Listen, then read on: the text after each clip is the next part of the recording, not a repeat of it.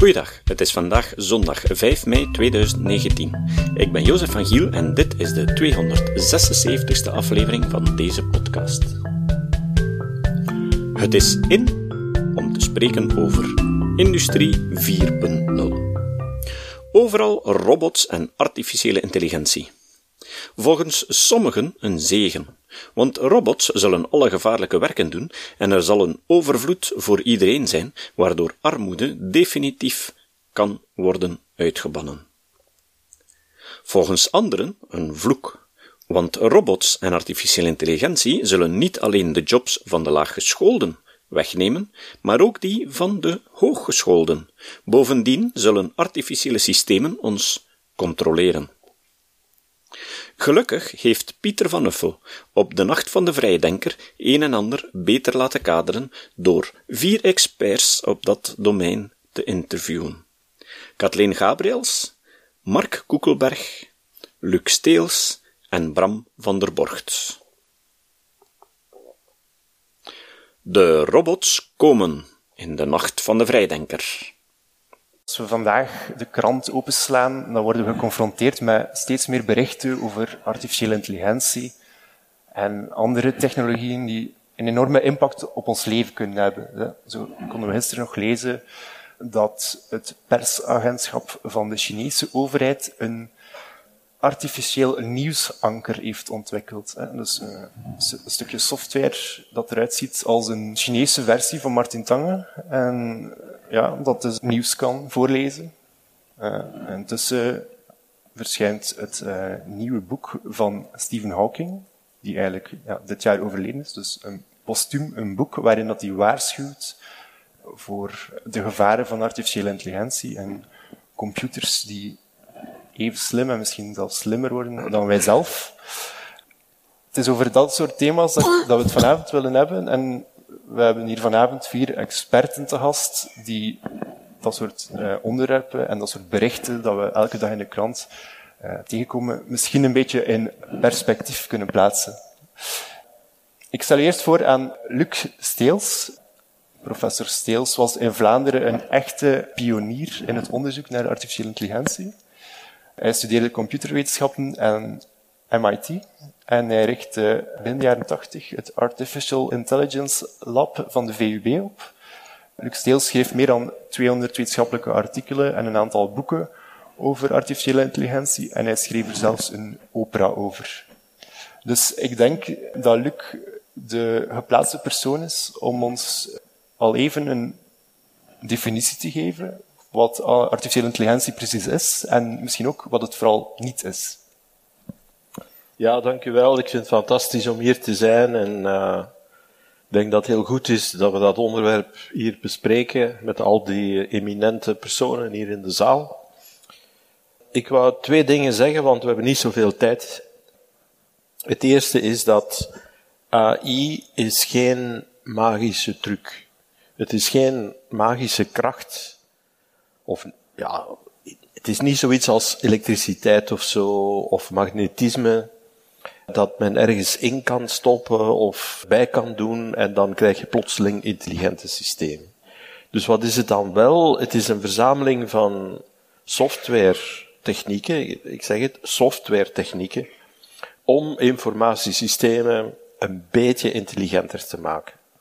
Dus dat kan zijn een systeem voor het planning van de weg tussen punt A en punt B bijvoorbeeld, enzovoort. De medische diagnose en ik weet niet wat nog allemaal. Dus AI kan in heel veel dingen toegepast worden, maar het gaat wel degelijk om technieken.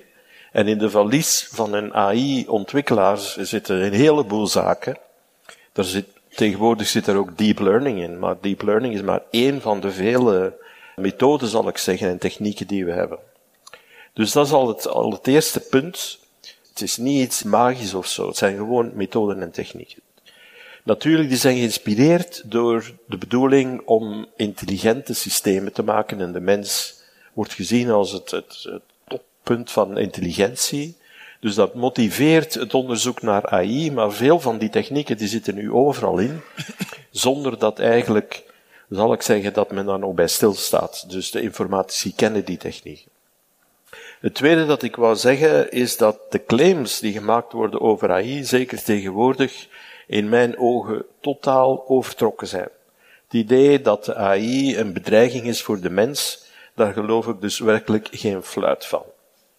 En ik was nog deze week in Bremen in het AI-laboratorium van Michael Beets, die dus echt probeert eh, robots in de keuken. Ja, dat is de droom van iedereen, een robot die de afwas gaat doen. Wel, ik raad u aan dan een afwasmachine te kopen. Ik heb die robot bezig gezien, dat is klunzig, dat is niet robuust, die heeft geen achtergrondkennis, dat is totaal niet toepasbaar. Al die verhalen over Terminator en robots die de superintelligente robots die ons gaan overnemen en zo, dat is dus allemaal dikke kwats. En ja, ik wil nu al zeggen dat de clips die we gaan zien, dat is dus nep. Dat zijn geen echte robots. Dat is iemand die achteraan in een kamertje die robots bestuurt en, en dat is het grote probleem. Dat in de pers en in het grote publiek dat, dat soort van overschatting gebeurt van wat AI al kan.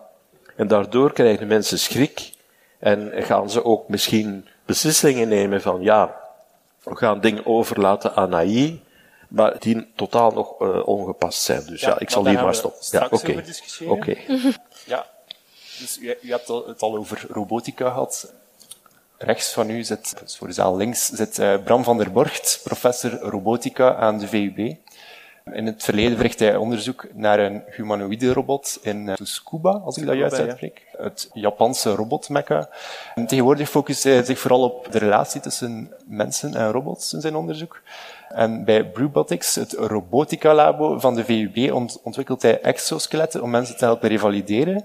En onder andere ook uh, sociale robots, um, bijvoorbeeld kindjes met autisme te helpen, zeg maar. Bram, misschien kan jij even het verschil uitleggen tussen robotica en AI? Ja, dus AI, zoals Luc het reeds uitlegde, is vooral software gerelateerd. Een robot is een fysieke entiteit, een machine in onze fysieke wereld, die daarin moet werken. En daarvoor heeft hij zintuigen nodig, en wij noemen dat sensoren. En een brein, een computerprogramma, en dan motoren of actuatoren om die omgeving te gaan beïnvloeden. Dus bijvoorbeeld, ik heb vroeger met modelbouwvliegtuigen gespeeld. Dat is geen robot, want die zag niks. En als ik een fout maakte, dan crashte die, wat ook regelmatig gebeurde. Drones daarentegen, die ga je ook wel commando's geven. Net zoals je op een paard zit en zegt links, rechts, vooruit. Maar die gaan nog zelf zijn plaatsen bepalen waar dat hij gaat stappen. Zoals ook een drone, uitgaande van zijn sensor, gaat bepalen hoe dat het vermogen over de motoren verdeeld moet worden om eigenlijk stabiel in de lucht te brengen. Dus die controle is enerzijds mogelijk via model. Wij weten de massa van die drone, de inertie, de lengte. En we kunnen dus eigenlijk via wetten gaan bepalen hoe dat we die drone gaan moeten controleren. Maar dat is als we een model daarvan hebben. Maar van heel veel zaken hebben we geen model.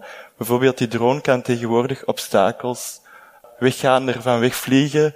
De nieuwe drones kun je ook met de handen gaan bedienen, foto's nemen enzovoort. Dus daarom gaat die drone ook analyse moeten doen van die videobeelden. En daar is niet echt een model van. Dus ga je dat model, de robot zelf moeten aanleren. En dan komen natuurlijk de AI-technieken van te pas. Dus AI bestaat zonder robots. Er bestaan ook robots zonder AI. Maar het is natuurlijk heel krachtig om beide werelden te gaan combineren. En dat geeft dan heel veel toepassingen. Nu, de AI is geïnspireerd door hoe dat de mensen denken, maar is helemaal verschillend. Zo ook de motoren en de mechanica van een robot verschillend zijn. Nu, die heeft dan ook verschillende sterktes. En wij denken dus eigenlijk dat de combinatie van zowel machine als mens eigenlijk heel complementair en sterke teams kunnen zijn. Dat is dan ook onze focus van ons onderzoek, zowel in gezondheidstoepassingen als eigenlijk in de maakindustrie. Ja, dankjewel. Naast u zit professor Mark Koekelberg, die zonder overdrijven een wereldautoriteit op vlak van robotfilosofie kunt noemen. Mark Koekelberg werkt aan de Universiteit van Wenen en zetelt in meerdere internationale adviescommissies over onder andere AI, robots en technologie. Een daarvan is de recent opgerichte Europese high-level expertgroep rond, rond AI. Mark, misschien kunt je het over zeggen, over in welke mate dat Europa regulering wilt opleggen aan AI en robots? Ja, het is zo dat er heel veel eerst gediscussieerd wordt over welke richting het beleid moet hebben. En regulering is eigenlijk maar één van de instrumenten in beleid. Dus je kunt ook zeggen vanuit een bepaalde hoek van we willen net niet reguleren, we willen het aan bedrijven overlaten. En dus is een heel, er zit voor een stuk ook politieke keuzes in. Maar wat we als experten proberen te doen is eigenlijk voor een stuk die keuzes laten zien wat er mogelijk is. En ook vooral de ethische problemen laten zien. Van kijk, dat zijn de problemen. En dan voorstellen doen van je zou het zo kunnen oplossen of zo kunnen oplossen. En dat zijn dan voor- en nadelen daarvan. Om eigenlijk het beleid in Europa te ondersteunen daarbij. Bij het maken van die keuzes. Ja, dankjewel. En tot slot, professor Kathleen Gabriels, verbonden aan de Technische Universiteit Eindhoven, waar ze techniek, filosofie doseert en de relatie onderzoekt tussen technologie en moraliteit. En twee jaar geleden verscheen uh, van Kathleen het uh, bekroonde boek On Life, hoe digitale technologie ons leven bepaalt. Kathleen, in dat boek en ook in uw opiniestukken wijst u er steeds op dat er een grote verantwoordelijkheid bestaat, of een grote verantwoordelijkheid ligt bij de ontwerpers van die digitale technologie. Nu, hoe zouden we die ontwerpers, die ingenieurs, meer bewust kunnen maken van die verantwoordelijkheid die op hun schouders rust? Ja, eerst en vooral in het onderwijs. Dus hen daarmee begeleiden dat heel vaak ontwerpen ook gestuurd worden door persoonlijke situaties. Hè. Dus dat je een technologie misschien jezelf als norm gaat nemen. Maar ook als het dan gaat, en daar gaan we het dadelijk nog over hebben, over deep learning en algoritmen, dat je daar ook heel sterk kunt sturen en dat dat niet zomaar uh, inherent objectief is. Dus ik denk dat voor het onderwijs dat dat heel belangrijk is, want uh, dat is ook niet iets eenmalig, dat is een heel proces. Steek het in de opleiding en begeleid hen op die manier. En anders, en dat zie je nu wel meer en meer, ook wat Europa doet, hè, dus uh, ook een stel ethici en filosofen uh, samenzetten. Maar je merkt ook dat die vraag uh, meer en meer vanuit bedrijven komt. Dat ze vragen om te komen praten over techniekethiek, maar ook wat dat betekent dat technologie nu neutraal is, hoe die verantwoordelijkheid er is. Want we moeten die ook, ik bedoel, die ontwerpers hebben ook heel veel goede bedoelingen, maar het gaat vaak ook over impliciete vooroordelen enzovoort. En ik denk sowieso dat het verhaal interdisciplinair moet zijn. En in de geneeskunde bestaat er iets als de eet van Hippocrates. Mm -hmm. Zou het zinvol zijn om zo een analogon voor dataontwikkelaars te gaan introduceren? Die is al vaak geopperd. Zelfs twee zomers geleden door de maker van de iPhone, Tony Fadell, die ondertussen zelf pleit voor een eet van Hippocrates. En je ziet ook meer en meer ethische codes die geüpdate worden, onder andere van de ACM de Association of Computing Machinery. Dus dat is een wereldwijde organisatie waar heel veel ingenieurs en ontwerpers in zitten. Die is recent ook geüpdate naar hedendaagse standaarden. En daar wordt ook meer en meer op gewezen, maar dat is natuurlijk, blijft een ethische code, dat is nog iets anders dan een wettelijke tekst. Maar je merkt wel dat er veel meer aandacht voor is. Ja. Goed, ik ga het eerste thema aansnijden door middel van een videofragment waar Luc al op gewezen heeft. Dus dat gaat mogelijk tot discussie leiden. Ik ga er nog niets over zeggen. Ik ga gewoon het, het videofragment laten zien.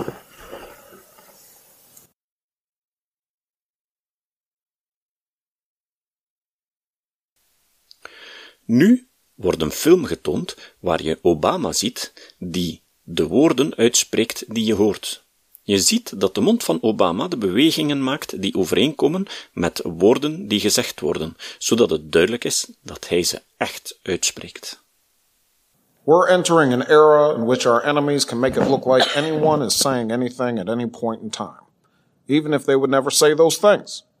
So, uh, for instance, they could have me say things like, I don't know, Killmonger was right or uh, Ben Carson is in the sunken place. Or, how about this? Simply, President Trump is a total and complete dipshit. Now, you see, I would never say these things, at least not in a public address, but someone else would. Someone like Jordan Peele. This is a dangerous time. Moving forward, we need to be more vigilant with what we trust from the internet. That's a time when we need to rely on trusted news sources.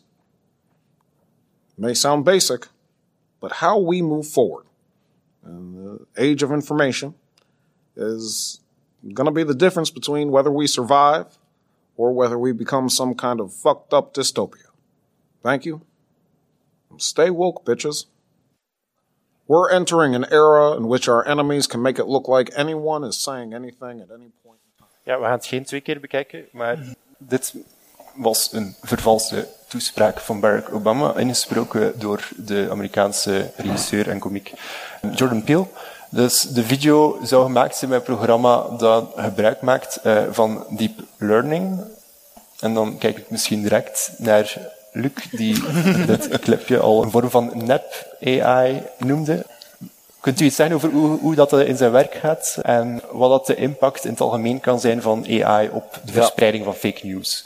Maar ja, wat ik zei over die nep-robots en zo, ik denk dat dat in de volgende clip ah, ja, ja. zal te zien zijn. Maar het blijft dat dit onderwerp dus is voor mij wel degelijk een heel belangrijk issue.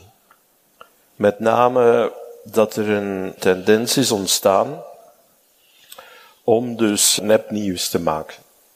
Uh, dit is er een voorbeeldje van dat men ofwel algoritmen gebruikt die in, ja, zoals je ziet, heel, op een heel realistische manier de stem van iemand kunnen nabootsen. En die projecteren op een beeld. Of zelfs het gezicht van iemand projecteren enzovoort.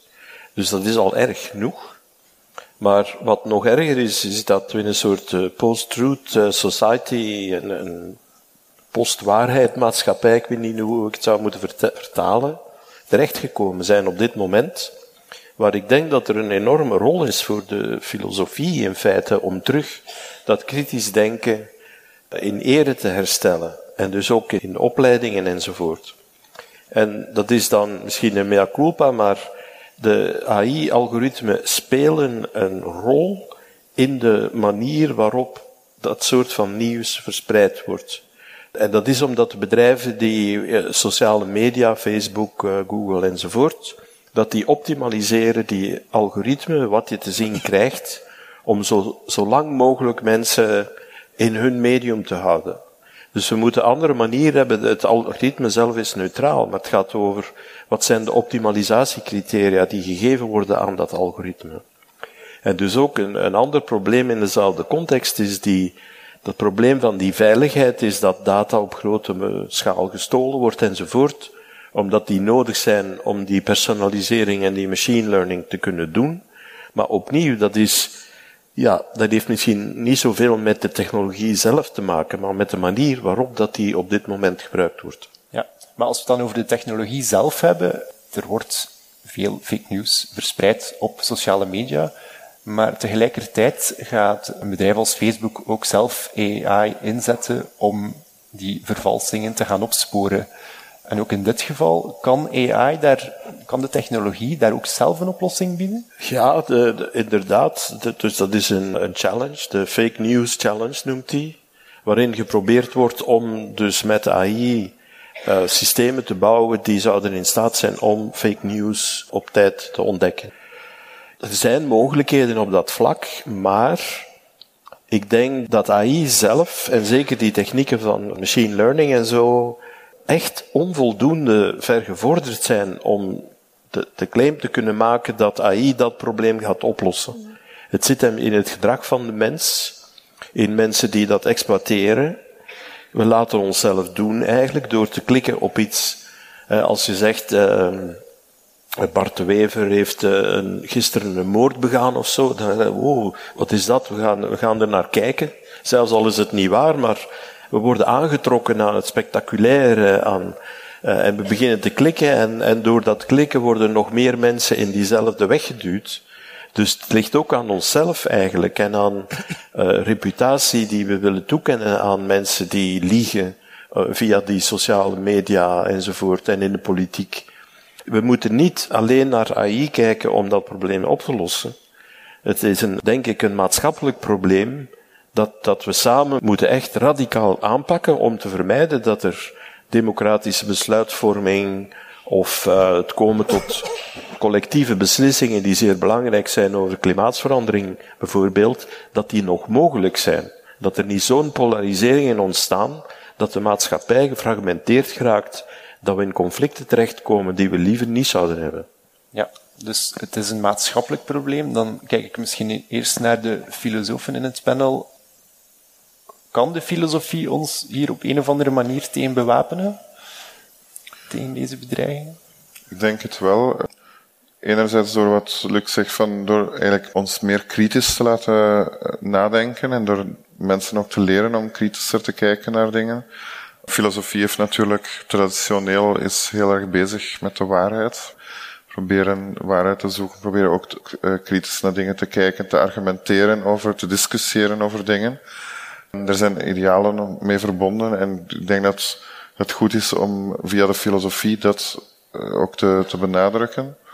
En anderzijds ook kan de, de filosofie als techniekfilosofie specifiek die problemen bestuderen van hoe grijpen eigenlijk mens en techniek daar in elkaar in dit geval en hoe wordt dat probleem veroorzaakt. Bijvoorbeeld hier is het duidelijk, het gaat niet alleen om die technologie die gebruikt is om die video te maken. Het gaat ook dat die video een deel is van die platformen zoals Facebook uh, enzovoort, van die sociale media omgevingen, die wel degelijk het aanmoedigen dat dit soort dingen gebeuren. En dus de techniek is niet neutraal in de zin dat ze toch uh, beïnvloedt van hoe we met elkaar omgaan, hoe uh, die relaties tussen mensen wordt vormgegeven. En ik denk dat de techniekfilosofie daardoor systematisch na te denken daarover kan bijdragen tot een meer kritische houding.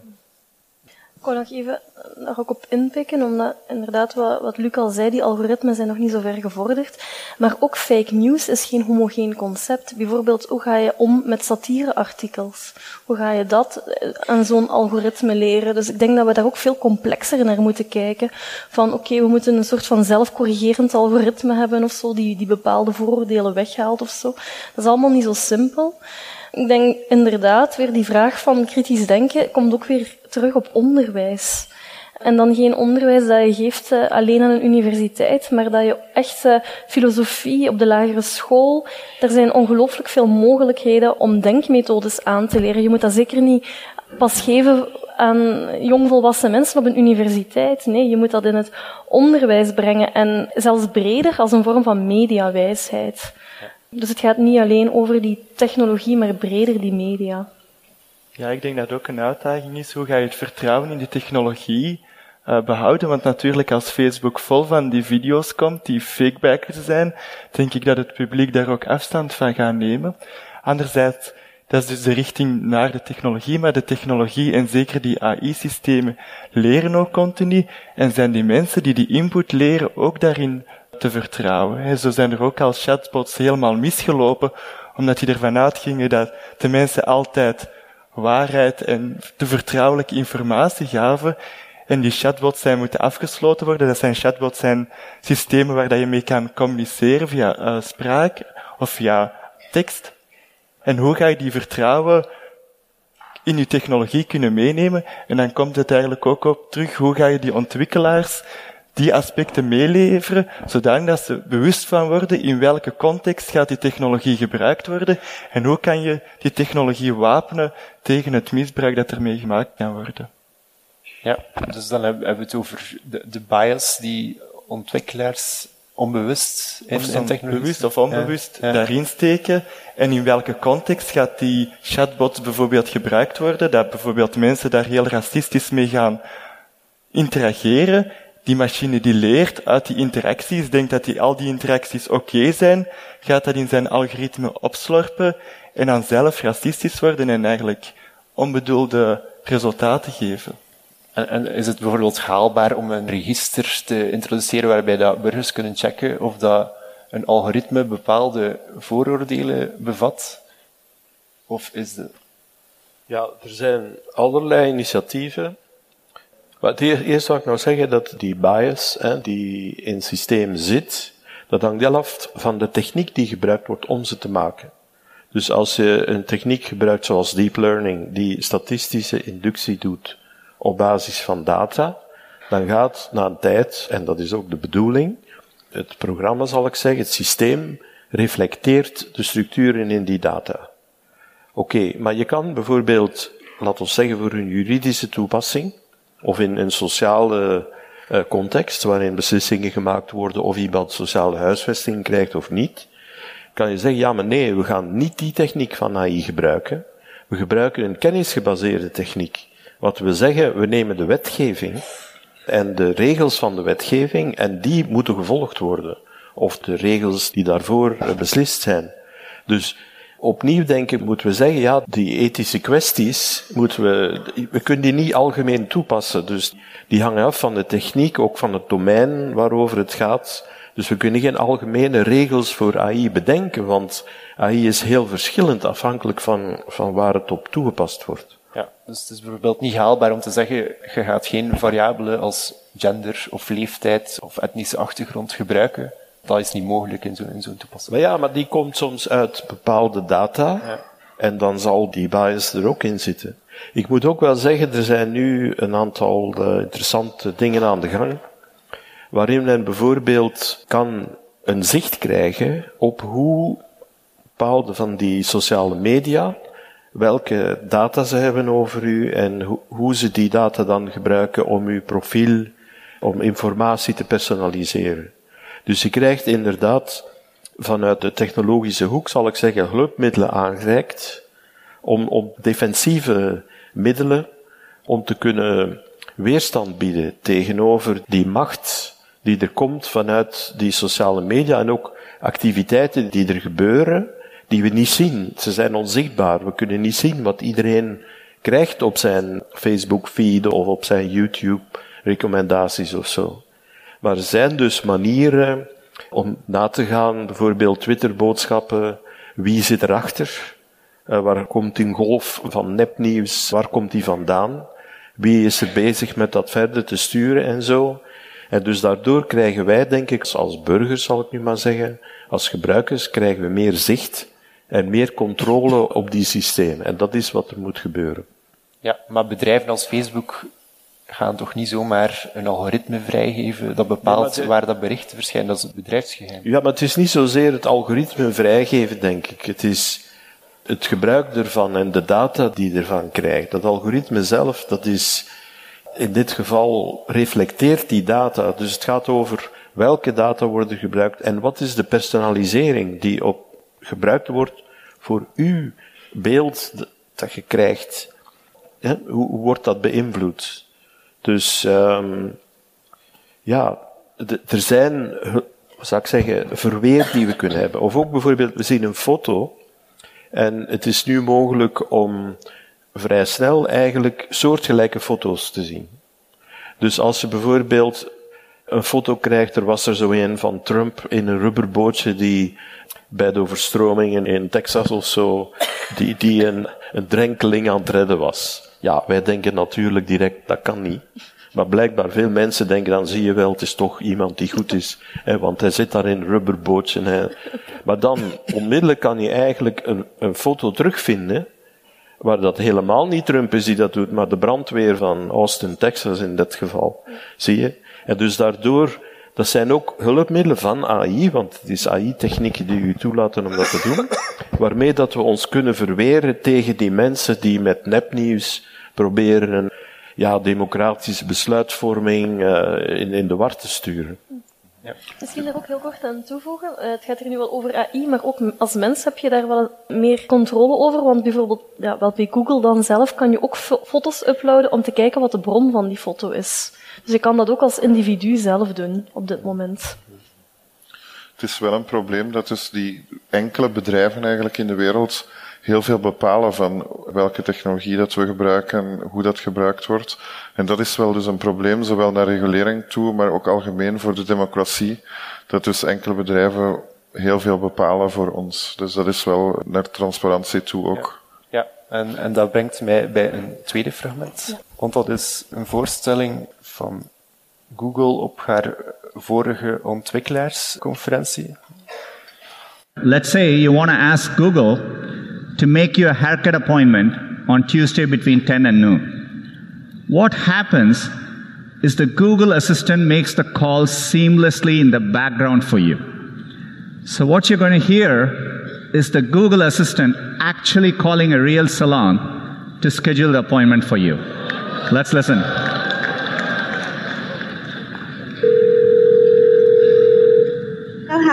Here. Hi, I'm calling to book a woman's haircut for a client. Um, I'm looking for something on May 3rd. Sure, give me one second. Mm-hmm. Sure, what time are you looking for around? At 12 p.m. We do not have a 12 p.m. available. The closest we have to that is a 1.15. Do you have anything between 10 a.m. and uh, 12 p.m.? Depending on what service she would like. What service is she looking for? Just a woman's haircut for now. Okay, we have a 10 o'clock. 10 a.m. is fine. Okay, what's her first name? The first name is Lisa. Okay, perfect. So I will see Lisa at 10 o'clock on May 3rd. Okay, great. Thanks. Great. Have a great day. Bye. Dit is een fragment van de ontwikkelaarsconferentie van Google. Uh, we zijn de CEO. Die dus een bot voorstelt die zelfstandig telefonisch uh, een afspraak kan maken. Dat brengt ons misschien meteen bij de vraag hoe dat zit tussen de interactie tussen mens en machine. Dus Google heeft hier veel kritiek op gekregen omwille van het feit dat ze niet vermeld heeft dat dat een bot was die, die, die aan het babbelen was met, met een mens. Of toch niet hoorbaar dat het een machine is. Het was ook niet hoorbaar, nee. Dus dat betekent toch dat ze ver staan. Luc heeft daar zijn twijfels bij? Maar ja, er zijn twee dingen die mij enorm storen met dit ding.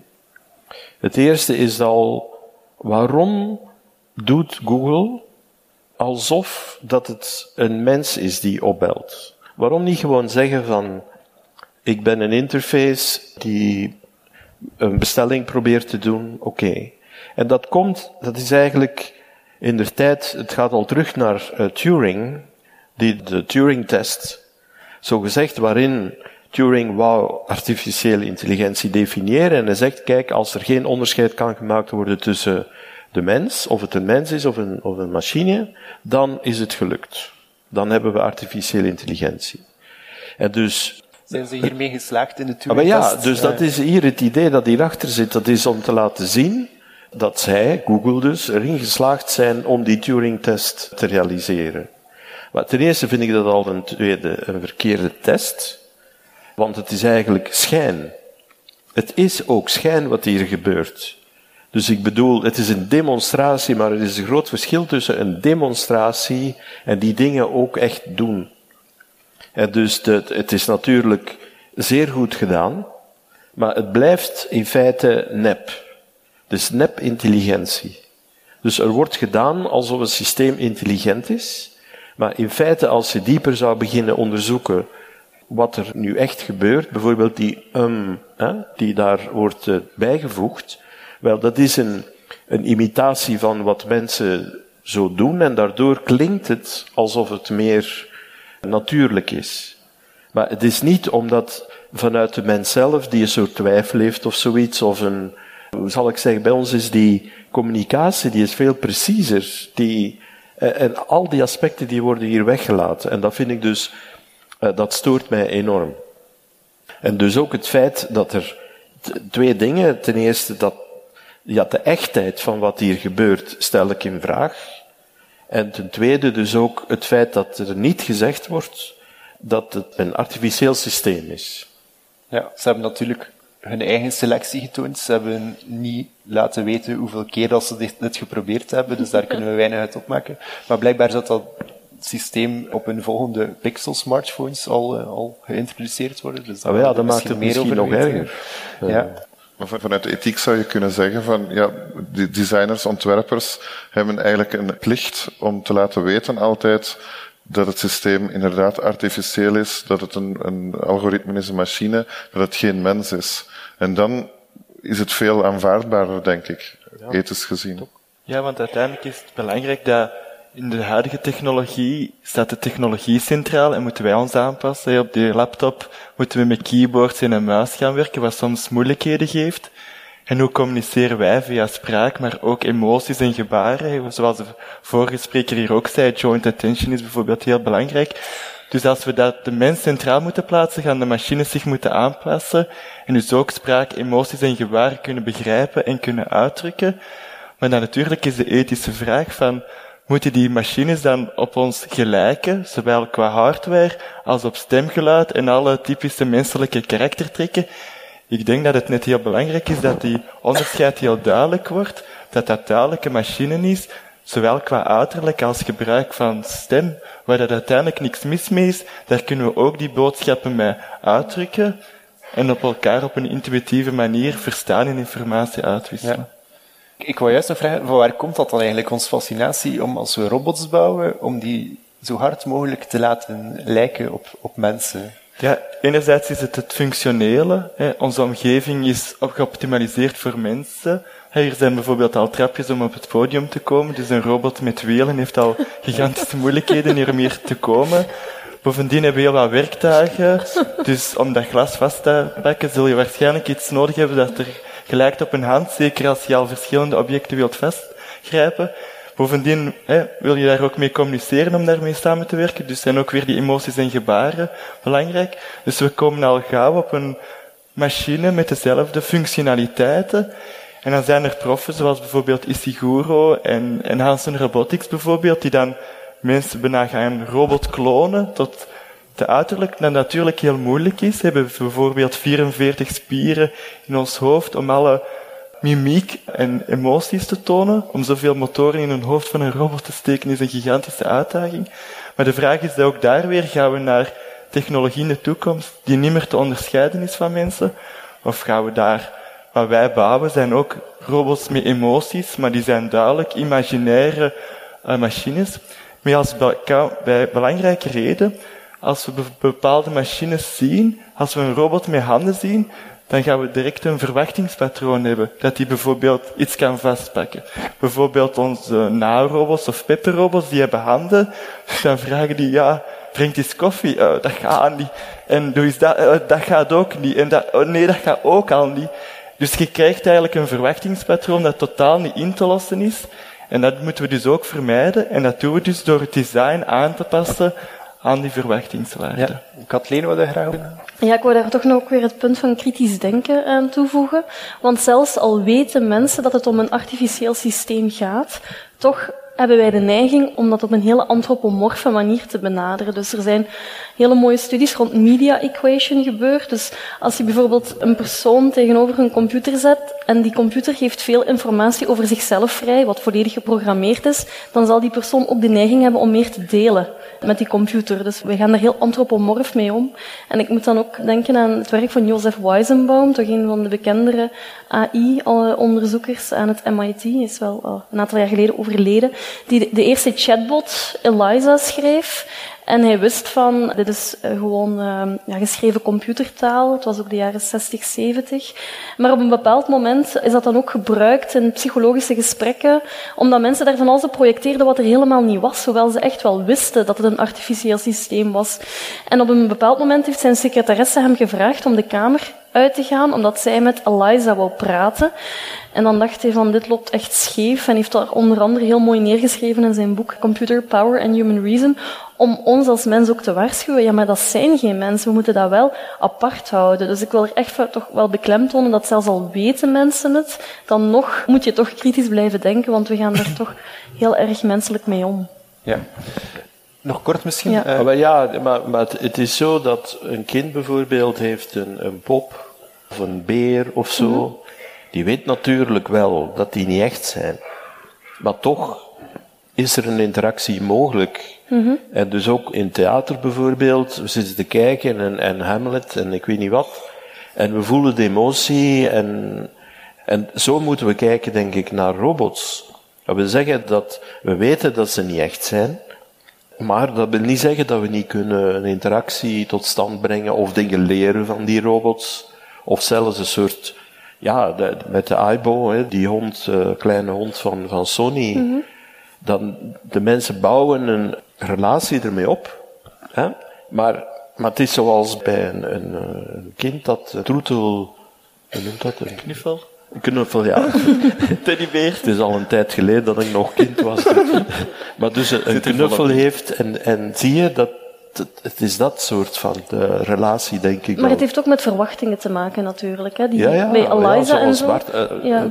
Bram heeft gezegd. Uh, ja. Ik ga het laatste fragment laten vallen, omdat de tijd bijna op is, zo nog kleine, kleine tien minuutjes. Maar aangezien dat we over dit onderwerp bezig zijn, um, zou ik het ook nog even over zorgrobots willen hebben. Dus uh, de, de, zorg staat voor, voor, een gigantische uitdaging en een mogelijke oplossing zou kunnen zijn om in rusthuizen, als de technologie zo ver staat, om ja, robots rond te laten rijden die, die eventueel bejaarde mensen die, die zorgbehoevend zijn kunnen lokaliseren en helpen. Anderzijds hebben we dan ook de vraag, moeten we zo'n probleem oplossen door, door robots in te voeren? En hoe zit dat dan met die interactie, met privacy? Misschien dat Bram daar kan op Ja, er zijn verschillende mogelijkheden van robots in bijvoorbeeld een rusthuis of een andere setting. Enerzijds zijn er de services, eten rondbrengen, kaarsen enzovoort, waar dat er misschien minder ethische aspecten rond zijn, buiten misschien privacy. Anderzijds zijn er inderdaad ook de zorgrobots tot de knuffelrobots enzovoort. Ik denk dat er wel mogelijkheden zijn om die in te zetten, maar ik denk dat we daar ook weer heel goed over na moeten denken in welke hoedanigheid. Bijvoorbeeld, er zijn van die zeehondrobots die letterlijk knuffelen en niks eigenlijk doen, eigenlijk dan zo wat bewegen. En er zijn natuurlijk heel wat ethische debatten van, ja, gaat uw grootmoeder of grootvader daarmee opzadelen? Maar ik denk in bepaalde situaties, en dan is onderzoek nodig, heeft dat wel een meerwaarde. Het was bijvoorbeeld een getuigenis van een verzorgder die zei zo'n personen die hebben heel hun leven voor iemand gezorgd. Hè. Kinderen, kleinkinderen, huisdieren, man, vrouw enzovoort. En die komen dan in een rusthuis en die krijgen alleen maar zorg.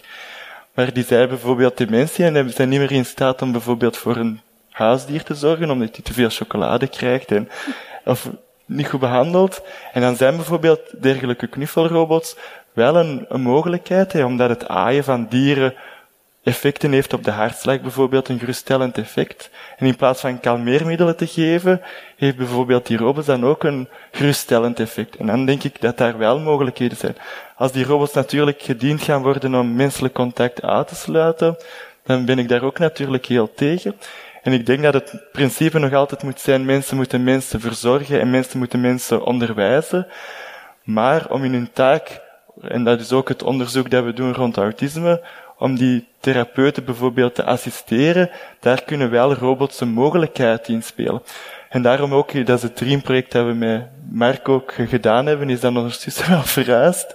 In dat onderzoek doen we altijd multidisciplinair, dus niet alleen ingenieurs, AI-personen enzovoort, maar ook mensen, zoals psychologen, sociologen en bijvoorbeeld in dit project ook ethici, om na te denken wat zijn de ethische limieten. Maar dat is natuurlijk ook een... ethische limieten dan? Uh, ja, dus de kwestie van misleiding is heel belangrijk. Van, als je bijvoorbeeld een oudere persoon die misschien niet helemaal meer weet van is dat een robot of, of niet, dan toch die robot geeft, is dat dan misleiding of niet? En zelfs al is het misleiding, misschien mag het wel of mag het niet. Dus dat is een heel moeilijke vraag. Ook de vraag naar vervanging, want dikwijls wordt gedacht van ah, we gaan robots als verpleegrobots hebben, dan is de angst voor vervanging van, ah ja, dan gaan we gewoon de mensen vervangen door robots. Maar dat is niet noodzakelijk. Je kunt ook zeggen van de robots en de mensen gaan samenwerken. Bijvoorbeeld in de context van zorg is het heel zwaar voor mensen om iemand op te heffen. En als je dan een robot hebt die daarbij helpt, die dat doet eigenlijk, iemand opheffen, dan is dat denk ik heel nuttig en zinvol. Maar die robot hoeft dus niet noodzakelijk eruit te zien als een, als een mens. En die hoeft niet noodzakelijk de functionaliteit te hebben dat je ermee praat. Of dat die zogezegd natuurlijk interageert. Dus ik denk dat er ook heel veel robotische systemen kunnen gebruikt worden zonder dat het uh, humanoid moet zijn. Ja, om af te sluiten, terug even naar uh, AI. Dus we beleven een enorme AI-hype. Ehm, studierichtingen zijn enorm populair rond dat thema. En er, er wordt ook ontzettend veel onderzoeksgeld tegen aangesmeten. Dat was vroeger wel eens anders. Van waar komt die ommekeer? Hebben we vroeger de impact van AI onderschat of zijn we die nu aan het overschatten? Ja, ik denk dat het inderdaad zo is dat het vroeger onderschat werd. Ja, ik heb enkele decennia een AI-lab op de VUB proberen in stand te houden. Dus de commentaar die wij constant kregen, dat was van dat dient tot niets en dat gaat nooit iets geven. En dan nu is het in één keer omgedraaid. En ja, onderschatting is verkeerd, want ondertussen natuurlijk zijn ze vooral in Amerika en nu ook in China vol een bak verder gegaan met het onderzoek. En dus wat zien wij nu in Europa? Ah, we hebben het weer gemist. Ja. dus die golf van, ook in digitale technologie, er is geen enkel Europees bedrijf in, ik weet niet, zeker niet in de top 5. Dus we worden totaal gedomineerd en gekolonialiseerd door Amerikaanse bedrijven, omdat wij in Europa gewoon niet hebben geïnvesteerd in die technologie. Het is heel simpel. Nu, over, onderschatting is dus gevaarlijk, want onze bedrijven verliezen daardoor een, een uh, competitieve kracht. En dus dat zien we nu aan het gebeuren. Nu, anderzijds, overschatting is natuurlijk ook verkeerd. Dan krijg je die angst, misplaatste angst. Maar dan krijg je dus ook bijvoorbeeld een bedrijf, een eh, verzekeringsmaatschappij, die zegt van ja, we gooien er AI tegenaan.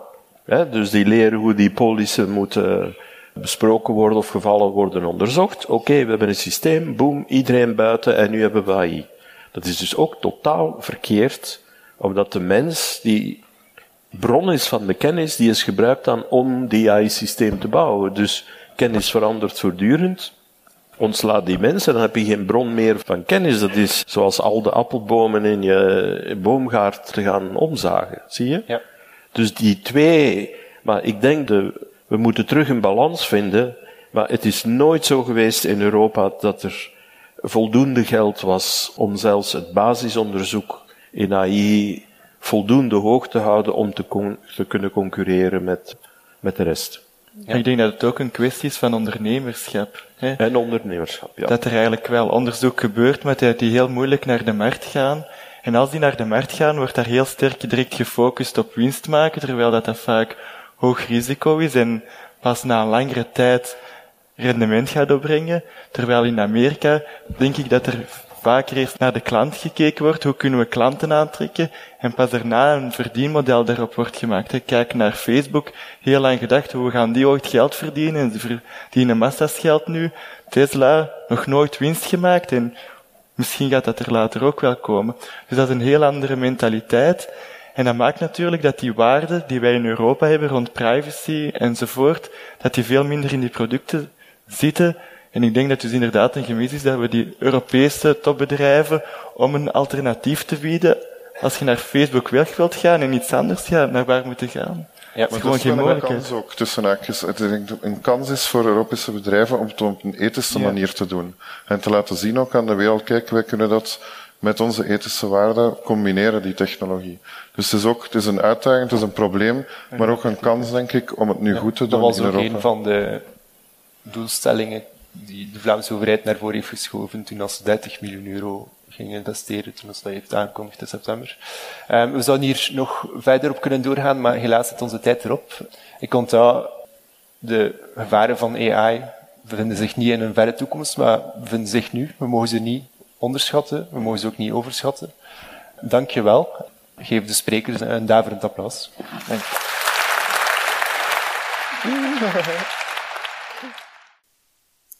En hou voor dit jaar 9 november vrij in uw agenda, want dan gaat de Nacht van de Vrijdenker 2019 door. Eerst nog dit. De vrijheid van meningsuiting wordt deze dagen van alle kanten beschimd. Soms lijkt het inderdaad alsof er in onze democratische rechtsstaat geen ruimte meer is voor een kritische blik. Recent werd ook SCEP in het vizier genomen. Aanleiding was de publicatie van een artikel in het ledenmagazine Wonder is geen wonder, waarin onder meer de methodes van Karl van de Velde en zijn gelijknamige instituut op gefundeerde wijze op de korrel werden genomen. Geheel in lijn met de activiteiten van SCEP is Wonder is geen wonder een magazine dat precies tot doel heeft pseudowetenschappelijke en wetenschapsfilosofische onderwerpen en praktijken op kritische wijze te benaderen. Karel van de Velde omschrijft zichzelf op zijn website veruit de voornaamste en hoogst gewaardeerde mentor met betrekking tot professionele en persoonlijke groei in België. www.karelvandevelde.be Via zijn instituut biedt hij allerhande seminaries en masterclasses aan met titels als Master in Results, Matrix van Leiderschap en Opus Omnia. De seminaries zijn ware massa-evenementen met honderden deelnemers en doen sterk denken aan shows van Tony Robbins. In een recent persartikel dat verscheen voor het artikel in Skep werd Karel van de Velde trouwens omschreven als de Vlaamse Tony Robbins. In het artikel werd de inhoud van de seminars, masterclasses van Karel van de Velde en zijn instituut en de verkoopspraktijken waarmee deze aan de man worden gebracht geanalyseerd. Het betrof 1. Een toetsing aan wetenschappelijke criteria volgens Robert Cialdini, Zes geheimen van beïnvloeding, en de negen stappen volgens psycholoog Anthony Praktanis. En 2. Een inhoudelijke beoordeling van een aantal pseudowetenschappelijke theorieën die we aantroffen in zijn cursusmateriaal, zoals daar zijn NLP, het creatieve rechterbrein tegenover het rationele linkerbrein, enzovoort. In plaats van het debat op constructieve wijze aan te gaan, hebben Karel van de Velde en zijn instituut de auteurs van het artikel, Skepleden, Patrick Vermeeren en Bart van de Ven, prompt gedagvaard en getorpedeerd met een schadevergoeding van maar liefst 400.000 euro. Skep kan de poging om haar auteurs mond dood te maken niet met leden ogen aanzien. Skep steunt Patrick en Bart onvoorwaardelijk en hoopt ook op uw steun om het recht op vrije meningsuiting te laten zegevieren. Herinner u de oproep van onze Australische evenkrie, Australian Skeptic, die via een fundraising voldoende middelen verwierven voor de betaling van de kosten voor de verdediging van Brit Hermes tegen de naturopaat Colleen Huber. Wij willen hier in België hetzelfde opzetten. Uw milde bijdrage om de kosten voor de verdediging te helpen dragen kan worden geleverd via de door SCEP opgezette crowdfundingcampagne. Met een bedrag van 50 euro komen we al snel heel ver. Eventuele overschotten zullen worden bijgehouden voor de toekomstige acties tegen overleden of auteurs in ons ledenblad. U kan uw bijdrage online storten via de link die je vindt op het einde van de notitiepagina's van deze aflevering. Het citaat. Het citaat van vandaag komt van Martin Rees. Martin Rees is een Engelse kosmoloog en astrofysicus. Hij deed veel onderzoek naar de achtergrondstraling en de vorming van sterrenstelsels. Rees zei Wetenschappers zijn slecht in het voorspellen van de toekomst, maar niet zo slecht als economisten. Tot de volgende keer. Dit was de podcast Kritisch Denken. Vergeet niet om alles kritisch te behandelen, ook deze podcast. Voor verdere informatie over deze podcast, links en voor de tekst, surf naar www.kritischdenken.info. Als je deze podcast belangrijk vindt, kun je me steunen door anderen warm te maken ook eens te luisteren. Stuur een e-mail naar vrienden met een link naar de website en plaats de link in de handtekening van je e-mails. Tevens kun je op iTunes deze podcast een beoordeling geven of een recensie schrijven. Of je kan op je eigen website of blog een link naar kritisch denken plaatsen.